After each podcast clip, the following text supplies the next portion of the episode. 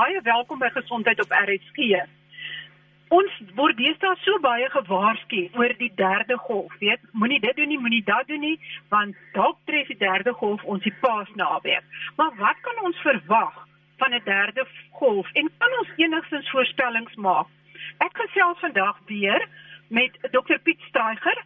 Hy het sy doktorsgraad in ingenieurswese en hy's ook 'n data-analis en jy kan hom volg by Focus Protection en ook kan jy uh, ook as hy betrokke by Panda en jy kan hulle volg. Dit is die uh, www.pandata.org. Uh, baie welkom Dr Streiger. Hoe gaan dit? Baie dankie Marie, dit gaan goed en ek hoop dit gaan goed daar ook. Ja, ja.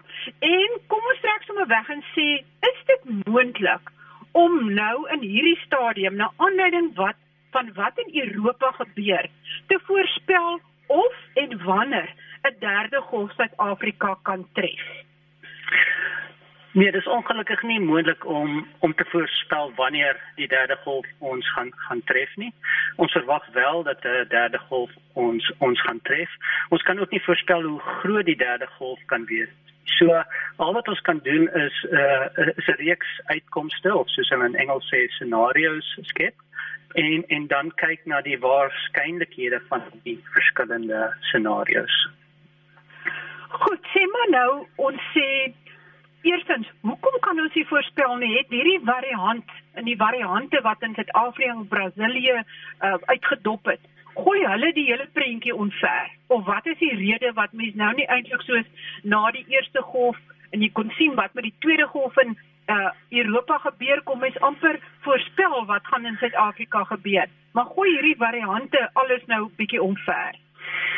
Dit maak dit 'n bietjie moeiliker, maar as ons nou kyk na die tweede golf in Suid-Afrika, die tweede golf in Suid-Afrika het wesentlik uh, was wesentlik groter as die eerste eerste golf, so twee keer groter en dit het vroeër gekom as wat ons ver, verwag het. En en dit was hoofsaaklik vir die rede uh, omdat die virus meer aansteekliker geraak het. Nou vir die derde golf uh, om groter te wees, moet die virus nog meer aansteeklik raak of die virus moet meer dodelik raak. En uh ek glo dit is onwaarskynlik en die rede hoekom ek sê dis onwaarskynlik is op hierdie oomblik is daar nie 'n uh, virus wêreldwyd wat meer aansteeklik is as die variant wat ons nou het nie en daar's ook nie 'n variant wat wesentlik meer dodelik is as die variant wat ons nou het nie. So op die oomblik is daar geen indikasies dat dat dit uh, 'n moontlikheid is nie. So ons kan dit nie uitsluit nie. Maar die virus verander reeltyd. Daar's al seker 3000 verskillende variante uh in die wêreld waarvan meeste minder gevaarlik is. Uh maar ek sou sê die variant wat ons gehad het is uh is uh van die mees aansteeklikste en soos ek sê daar is nie iets wat kans wat meer aansteeklik is of meer dodelik nie. So ek sou sê dis meer waarskynlik dat ons 'n kleiner derde golf gaan hê. So dit is gebaseer op die aanname dat die virus basies dieselfde bly. Ehm um, en en uh en die rede hoekom ek dan glo dit gaan uh meer waarskynlik kleiner wees is omdat ons immuniteitsvlakke in die land baie baie hoog is. So daar was onlangs toetse deur die bloedbank wat gewys het dat meer as 50% in die land het al COVID gehad. Nou dit is baie meer as wat die bevestigde gevalle wys. Byvoorbeeld, in die Oos-Kaap het ons nog net 200 000 bevestigde gevalle. Maar as meer as 50% van die Oos-Kaap reeds die infeksie opgedoen het, dan kyk ons na 3 miljoen. So dis 15 keer meer mense wat die infeksie opgedoen het as waarvan ons weet uit bevestigde gevalle. So met sulke hoë immuniteitsvlakke uh behoort ons definitief beskerming te sien in die gemeenskap en ons kan al klaar sien dat uh die toets die aantal toetse wat positief is in die oorskaap is verskriklik laag. Dit het nou gedaal tot 1,1%. So slegs 1,1% van toetse wat gedoen word in die oorskaap is tans positief. En en hoe vinnig het die eerste golf uitgesterf? watter persentasie moes geïnfekteer gewees het voordat die eerste golf begin afplat het en is dit dieselfde vir die tweede golf of het hierdie syfer verskil vir die tweede? Ja, so so dit het verskil. So daar's ongelukkig min inligting beskikbaar oor die aantal mense wat antiliggame ontwikkel het na die eerste toets. Ons het beperkte inligting. Ons het byvoorbeeld inligting oor vrouens wat publieke uh um, hospitale besoek het in die in die Weskaap. En daar het ons presentasies van tot so hoog as 46 ag ja, 46% gehad na die eerste golf. Maar ons is redelik seker dat in die ryker woongebiede daai persentasie baie baie laag was en dit kon so laag as 10% gewees het. So ons sê na na die eerste golf was uh, antiliggaamvlakke miskien so tussen 10 of 15 en tot tot en met 46% in die land. Na die tweede golf is die vlakke baie hoër. Ehm um, so in die ryker woongebiede is dit nou tussen 14 en 20%, maar in van die armer woongebiede is dit tot so hoog as 71%. So die gemiddeld vir die land is nou bo bo 50%. Nou die rede hoekom die vlakke nou soveel hoër is, is omdat die virus het meer aansteeklik geraak en dit skuif dan wat hulle noem die herd immunity threshold. Dit skuif dit op. En ook uh in die in die eerste golf was baie minder mense vatbaar vir die siekte, maar soos wat die virus verander het, is daar meer mense wat vatbaar is vir die siekte. So dit is die rede hoekom meer mense nou siek geraak het in die in die tweede golf. Daar's wel mense wat siek geraak het in beide die eerste en die tweede golf, maar dis 'n klein persentasie. Dit is so 1% volgens een van die mediese fondse wat dit gerapporteer het. So, daar sal mense wees wat die infeksie opgedoen het beide in die eerste en die tweede golf, maar dit maak nie 'n groot verskil aan die groter prentjie nie van daai vlak is so is so 1%. Maar is dit nie nogal 'n goeie ding as in sekere bevolkingsgroepe of woongebiede of gemeenskappe dat soveel as 70% van die mense reeds uh, antiliggame het op, en op 'n manier blootgestel was, miskien nie so siek geword het nie, maar hopelik dan nie weer uh, die infeksie kan kry nie. Is dit nie eintlik 'n baie goeie ding nie of is dit 'n slegte ding? Wel as mens terugkyk in die verlede, dan kan jy nou sê die mense uh uh wat hulle lewens opgeoffer het vir hulle was dit uit die aard van die saak 'n slegte ding, maar as jy kyk na die toekoms, dan uh, is daar beskerming nou vir daai gemeen, gemeenskap. So wat gebeur is as jy daai eerste golf, as jy daai kurwe afdruk, dan al wat gebeur is die tweede golf word groter.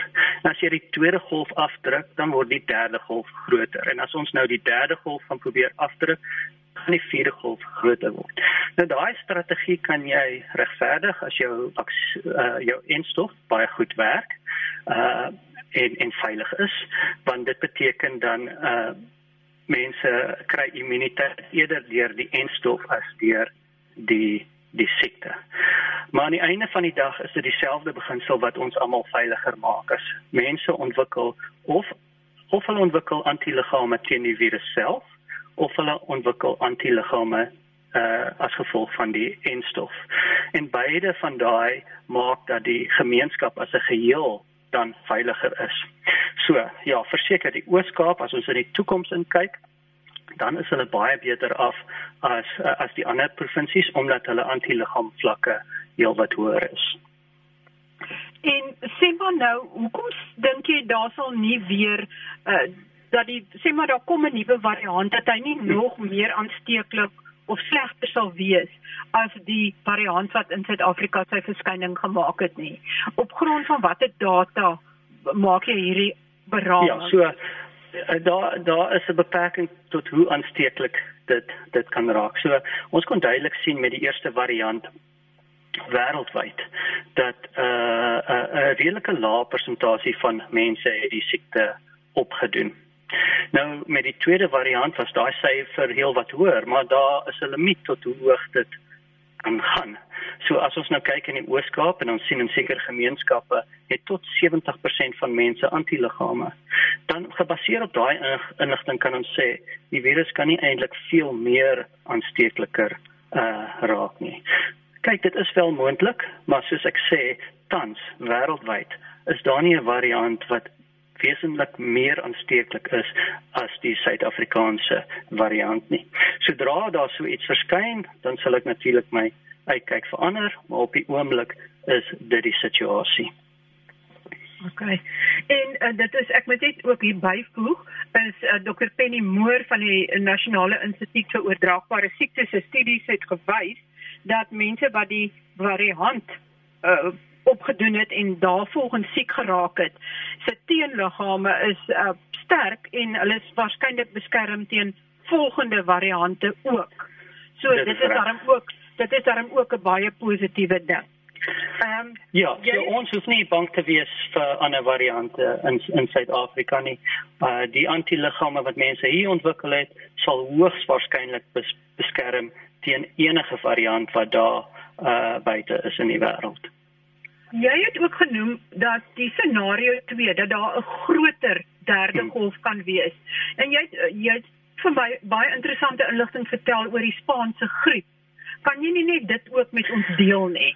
Ja, soos uh, in meeste gevalle word virusse meer aansteekliker en minder dodelik.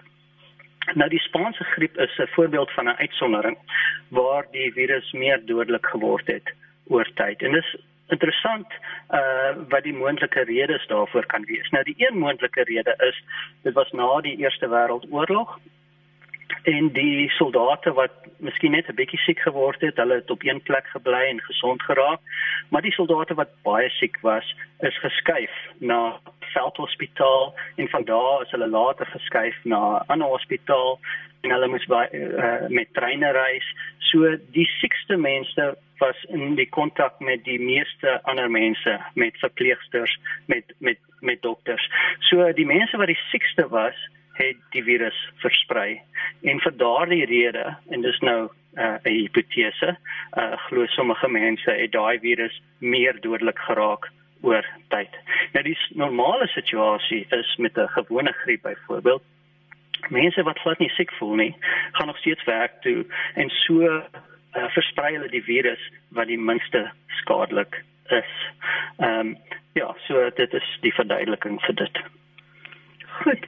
En ehm um, kom ons kyk wat gebeur op die oomblik in in Europa. Is dit 'n derde golf? Is dit dalk 'n hoe werk dit? Weet is is hulle nou in die moeilikheid omdat hulle nou die variant hulle nou getref het of wat gaan daaraan volgens julle data? Ja, so as ek kyk nou na Engeland, het die tweede golf begin en dit gelyk of dit weer 'n kleiner gewees as die as die eerste golf en dit so gelyk tot hierso ek sou sê vroeg Desember en toe gebeur iets ongewoond. Uh terwyl die gevalle afgeneem het, dit was net oor die piek hierso 5 Desember, het gevalle skielik weer opgetel. En dis toe die tweede variant hulle hulle hulle tref. En toe is daar daai golf as jy nou uh van meet nou sien van November tot Februarie uh was daar meer sterftes, meer COVID sterftes as in die as in die eerste golf. Ehm um, in die res van Europa dink ek het daai tweede variant 'n bietjie later uh gekom. Maar dit is eintlik 'n hartseer saak in Europa op die oomblik want hulle het baie streng inperkings. Uh slegs noodsaaklike besighede uh, is is oop. En gelukkig in Suid-Afrika het ons redelik vroeg besef, danksy publieke betrokkenheid en aksie, dat enige werk wat kos gee vir 'n familie is noodsaaklik. So al alhoewel ons met baie streng inperkings begin het, het ons toe ons deur die eerste golf gegaan het en deur die tweede golf gegaan het, kon meeste mense nog werk. Nou nie almal nie.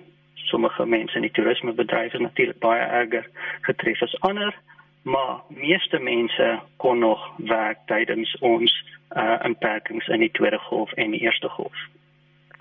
Kan mens dan eintlik sê omdat hierdie variant ons eintlik al in ons tweede golf getref het en nou is Europa in hulle derde golf besig met hierdie variant. Kan ons op 'n manier sê dat ons tweede golf eintlik ons tweede en ons derde golf saam was? Absoluut. Ja. So ons kan nie nou kyk na wat in Europa gebeur en sê dit gaan ons derde golf wees nie. Ons het effektiewelik ons tweede en derde golf te gelyktydig uh gehad. En en as ek nou kyk na hoe uh, getalle afgeneem het in die laaste maand, het dit afgeneem na baie laer vlakke as wat dit was tussen die eerste en die tweede golf.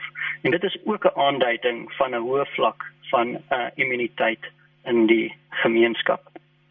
So ons kan met redelike sekerheid sê dat ons nie nie opvlamming gaan sien oor die volgende 4 weke nie. En die beste plek om te gaan om hierdie uh, inligting te monitor is die Suid-Afrikaanse uh, COVID-19 mod modelleringskonsortium se webtuiste.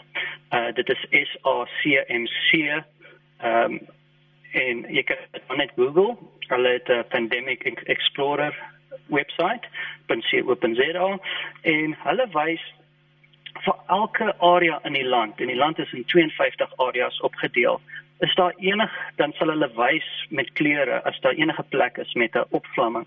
En wat ons gesien het die laaste 2 maande is sporadiese opvlange uh, vlammings van baie kort te duur meestal in die platteland. En dit wys dat tot op hierdie stadium sukkel die virus om nog vatbare mense te vind. Uh, uh die R-nommer, uh, in Engels noem hulle dit die basic reproduction number, hy sukkel om op bo die vlak van 1.0 te gaan. So ons kan met redelike sekerheid sê sê ons gaan nie die derde golf sien in die volgende 4 weke nie. Maar dis iets wat jy gedurig moet uh monitor. Nou die vraag is hoe sal ons weet wanneer het die derde golf begin? En die beste manier om daarna te kyk is sodra daar opvlamming is in 'n spesifieke area in die land en dit is volhoubaar en dit kring konsentries uit in alle rigtings. Ehm uh, so die R-nommer gaan dan bo uh, uh, 1.0 of gaan dan heel wat bo 1.0 en hy bly op 'n hoë vlak en dit kring uit konsentries. Dan kan men sê die derde golf het begin. En dan eers kan mens bepaal hoe groot daai derde golf gaan wees. Dis amper soos 'n kriketspeler wat 'n 6 gaan slaan. Voordat hy die bal geslaan het, raai jy eintlik net waar hy die bal gaan slaan. Maar sodra hy daai bal geslaan het, sal 'n goeie veldwerker weet presies waar om te wag om die vangskoot te neem. En op dieselfde basis uh doen ons projeksies vir die eerste golf, die tweede golf en ons sal dit weer doen vir die derde golf. Sodra die golf uh ehm uh, begin het, dan raak dit moontlik om redelik vroeg te sê hoe groot daai derde golf gaan wees. En uh, jy sê met ander woorde die basislyn van wat elke dag in Suid-Afrika eintlik gebeur. Elke dag is daar nuwe gevalle, maar dit is hmm. teen 'n lae koers. En dis ja. ook nie elke dag presies dieselfde. Eendag gaan dit bietjie op, dan gaan dit weer bietjie af. En daai klein wisselings is nie 'n aanduiding van 'n derde golf nie. Dis eers nee. dit konstant vir 7 dae in 'n ry al hoe meer en meer en meer word in 'n gebied wat mense begin uh wakker word of dan moet kennis neem ja. dat hier so weer iets aan die gang is. Ja, so die SACMC het 'n paar definisies daar. Die ene is hulle kyk na opvlamming of hulle noem dit in Engels 'n uptick en dit is waar die gemiddeld opgaan vir 7 dae in 'n in 'n 'n ry. En dit vind wel plaas, maar jy kan sien dit sporadies, dis in verskillende plekke en dit is kortstondig. En dit wys nie die begin van 'n uh, derde golf nie. Soos ek sê, daai moet volhou word vir 'n lang tyd en daai tendens moet geografies uitkring van 'n van 'n punt af. Dan het hulle ook 'n bladsy waar hulle sal wys wanneer die derde golf begin het. So vir 8 uit ons 9 uh provinsies tans is die tweede golf verby. Ehm um, ek dink dit is slegs die Noord-Kaap as ek reg is wat nog nie deur die tweede golf is nie. Maar dit is spesifieke bladsy wat vir jou sal sê uh of jy daar golf al begin het of nie en op die oomblik soos ek sê is ons nie in 'n golf nie. Goed, ek sal al daai inligting ook op RC se webwerf sit sodat jy maklik by dit kan uitkom en ek sal ook die potgooi van hierdie gesprek op die webwerf laai. So gee net so 'n bietjie kans na die ehm um, onderhoud verby is, dan sal ons die inligting op die webwerf sit. Ehm um, Piet, ek wil ook graag weet ehm uh, vaksinering. Ja. Is daar al enige aanduidings dat vaksinering in lande soos Israel, waar 'n groot deel van die bevolking nou reeds ingeënt is, is daar enige aanduidings dat dit enigins 'n verskil maak aan die syfers? Aan nuwe gevalle. Ja, so daar is vroeë aanduidings wat wat positief is en en die manier hoe hulle daarna kyk is hulle kyk na uh die hospitalisasies onder ouer mense, mense bo 60 en dan vergelyk hulle dit vir, na, met hospitalisasies vir mense onder 60. En die rede daarvoor is die ouer mense was eerstig in ingeënt. En hulle kan wel sien dat die hospitalisasies nou laer is in vergelyking met die met die jonger groep as wat hulle sou verwag uh, as hulle nou niks niks niks gedoen het nie. So so dit is 'n positiewe aanduiding, maar op die langtermyn is uh, die die toets is eintlik gaan daar weer 'n opvlamming wees. So, uh dit kan maande neem voordat ons dit kan bevestig. Byvoorbeeld, uh in Europa, die tydperk tussen die eerste en die tweede golf, hulle het 'n 4 maande periode gehad met baie min sterftes. So, ons sal moet wag in Israel byvoorbeeld, minstens meer as 4 maande om te kyk of daar nie nog 'n opvlamming is nie. En eers dan sal ons met sekerheid kan sê hoe goed die en en en stof werk. Ja, ek dink hierdie data sal baie fyn dopgehou word aangesien daar nou ook mediese mense in België ensovoorts is wat waarsku dat as mense vaksineer terwyl daar uh uitbrekings aan die gang is, dat die dat die virus eintlik 'n 'n ontsnaproete kan kies en dan dalk makliker nuwe variante kan vorm, maar dit sal net die tyd ons leer, maar jy het nog niks so iets opgemerk nie, nee. Nee, en ons glo ook die risiko daarvoor is is laag. Uh kyk as jy immuniteit opbou teenoor 'n virus, dan uh, bou jy dit op in terme van baie eienskappe van die van die virus. So die virus sal drasties moet verander uh om om daai immuniteit vry te spring. En ons glo dit is hoogs onwaarskynlik beide vir die vaksines en vir natuurlike immuniteit. En ons kan dit ook ook nou sien met die met die nuwe variant waar uh, wel die beste syfers wat of die enigste syfers wat ek het is van spesifieke mediese fonds wat slegs 1% herinfeksies opgetel het. So ja, jy gaan mense vind wat wat die tweede keer die infeksie optel, maar op die oomblik lyk daai getalle laag En soos jy ook vroeër genoem het, dit lyk tog of immuniteit teen die tweede variant beskerming kan bied teen meeste ander variante wêreldwyd insluitende die Brasiliaanse variant. So ons hou dink vas dat die derde golf wat ons darm nie binne die volgende 4 weke behoort te tref nie, as dit gebeur dat dit 'n swakker golf gaan wees. Weet en nie mense so siek gaan maak en so baie mense gaan siek maak nie. Is dit korrek as ek dit so opsom? Ja, soos ek sê, dit is die meer meer waarskynlike uitkoms. Ons kan nie 'n groter derde golf uitsluit nie, maar op die oomblik sou ek sê dis meer waarskynlik dat ons 'n kleiner derde golf gaan sien en ons kan eers daai verwagting begin verander as daar 'n variant is wêreldwyd wat baie meer aansteeklik is en baie meer dodelik as ons huidige variant. En op die oomblik sien ons geen uh, uh geen teken daarvan nie. Dan wil ek net vinnig 'n laaste vraag vra en dit is Swede wat min inperkings gehad het aan die begin veral met die eerste golf. Het um aan die begin baie lof gekry. Maar hmm. lyk my soort van hulle syfers het alweer ingehaal op van die ander skandinawiese lande. Is daar enigsins iets wat mens kan aflei uit wat Swede gedoen het of is daar te veel faktore wat die prentjie uh verdoesel? Ja, dit maak dit moeilik want daar's verskriklik baie faktore wat uh, verskille tussen lande uh, kan kan kan beïnvloed. Uh so byvoorbeeld as jy Swede nou vergelyk met Noorwe, sal jy sê Swede het baie slegter gedoen. Maar as jy nou Swede vergelyk met Engeland of met Tsjechië, dan het Swede baie baie beter uh gedoen. So daar's baie ander faktore wat relevant is. Dit is die digtheid waarby mense saam bly en die die regering uh jy weet daar's daar's ander goed wat mense doen baie keer uh doen mense die regte ding uh, uit as uh, op 'n vrywillige basis. Ehm um, so dit dit is baie moeilik om daai vergelykings uh te te, te maak. Ehm um, jy vind ook dat verskillende kontinente uh ehm um, het verskillende uitkomste. So ons kan byvoorbeeld sien dat die hele Asië het baie lig afgekom in alle lande en dit was onafhanklik van die inperkings wat hulle ingestel het.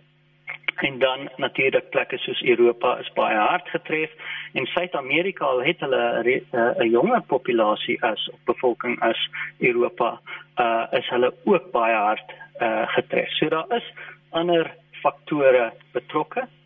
Maar dat nou nuwe uh, data uitgekom uh oor Amerika, want daar het jy nou 'n voorbeeld van 50 state uh en elke staat het ander inperkingsmaatreëls en elke staat het ehm um, natuurlik ander syfers uh aantal mense wat gesterf het en in Amerika tussen die 50 state is daar geen korrelasie tussen die inperkingsmaatreëls en die aantal sterftes wat hulle ge gehad het nie. Nou daarmee sê ek nie gedrag maak nie uh verskil nie want mense ver verander hulle gedrag vrywillig en mense sal ook die regte ding doen as hulle die regte inligting kry. Maar die praktyk van om mense toe te sluit in hulle huise het geen voordeel nie en daar is nou al menigte artikels daaroor geskryf. En ek dink ons is ehm uh, ons is gelukkig in Suid-Afrika dat ons dis hoogs onderskeidelik dat ons ooit weer sal teruggaan na vlak 4 of 'n vlak 5 waar mense toegesluit word in hulle huise. Ongelukkig is dit nie tans die geval in Europa nie. Daar's baie mense of baie besighede wat glad nie kan opereer in hierdie tyd nie. Sjoep, ehm um, Dr. Streicher, ek hoop jy's reg en ons hou die data fyn dop en ek sal beslis binnekort weer met jou gesels sodra daai kof daai bal getref het. En ons baie dankie. En ons hoop dit net een loopie en nie hel, hel so groot ses nie. Dis reg. Baie dankie. Ehm um, ek het gesels met dokter Piet Streicher. Hy's 'n doktorsgraad in ingenieurswese en 'n data-analis betrokke by Panda, panda.org en ook Focus Protection. En ek sit al die inligting op die webblad. Ons gesels volgende week weer gesondheidsake en dan gesels ek met 'n tandarts oor wat is al die nuwe soort behandelings in tandheelkunde want daar baie baie vordering gebeur die afgelope 20 jaar wat nog te sê van die afgelope 50 jaar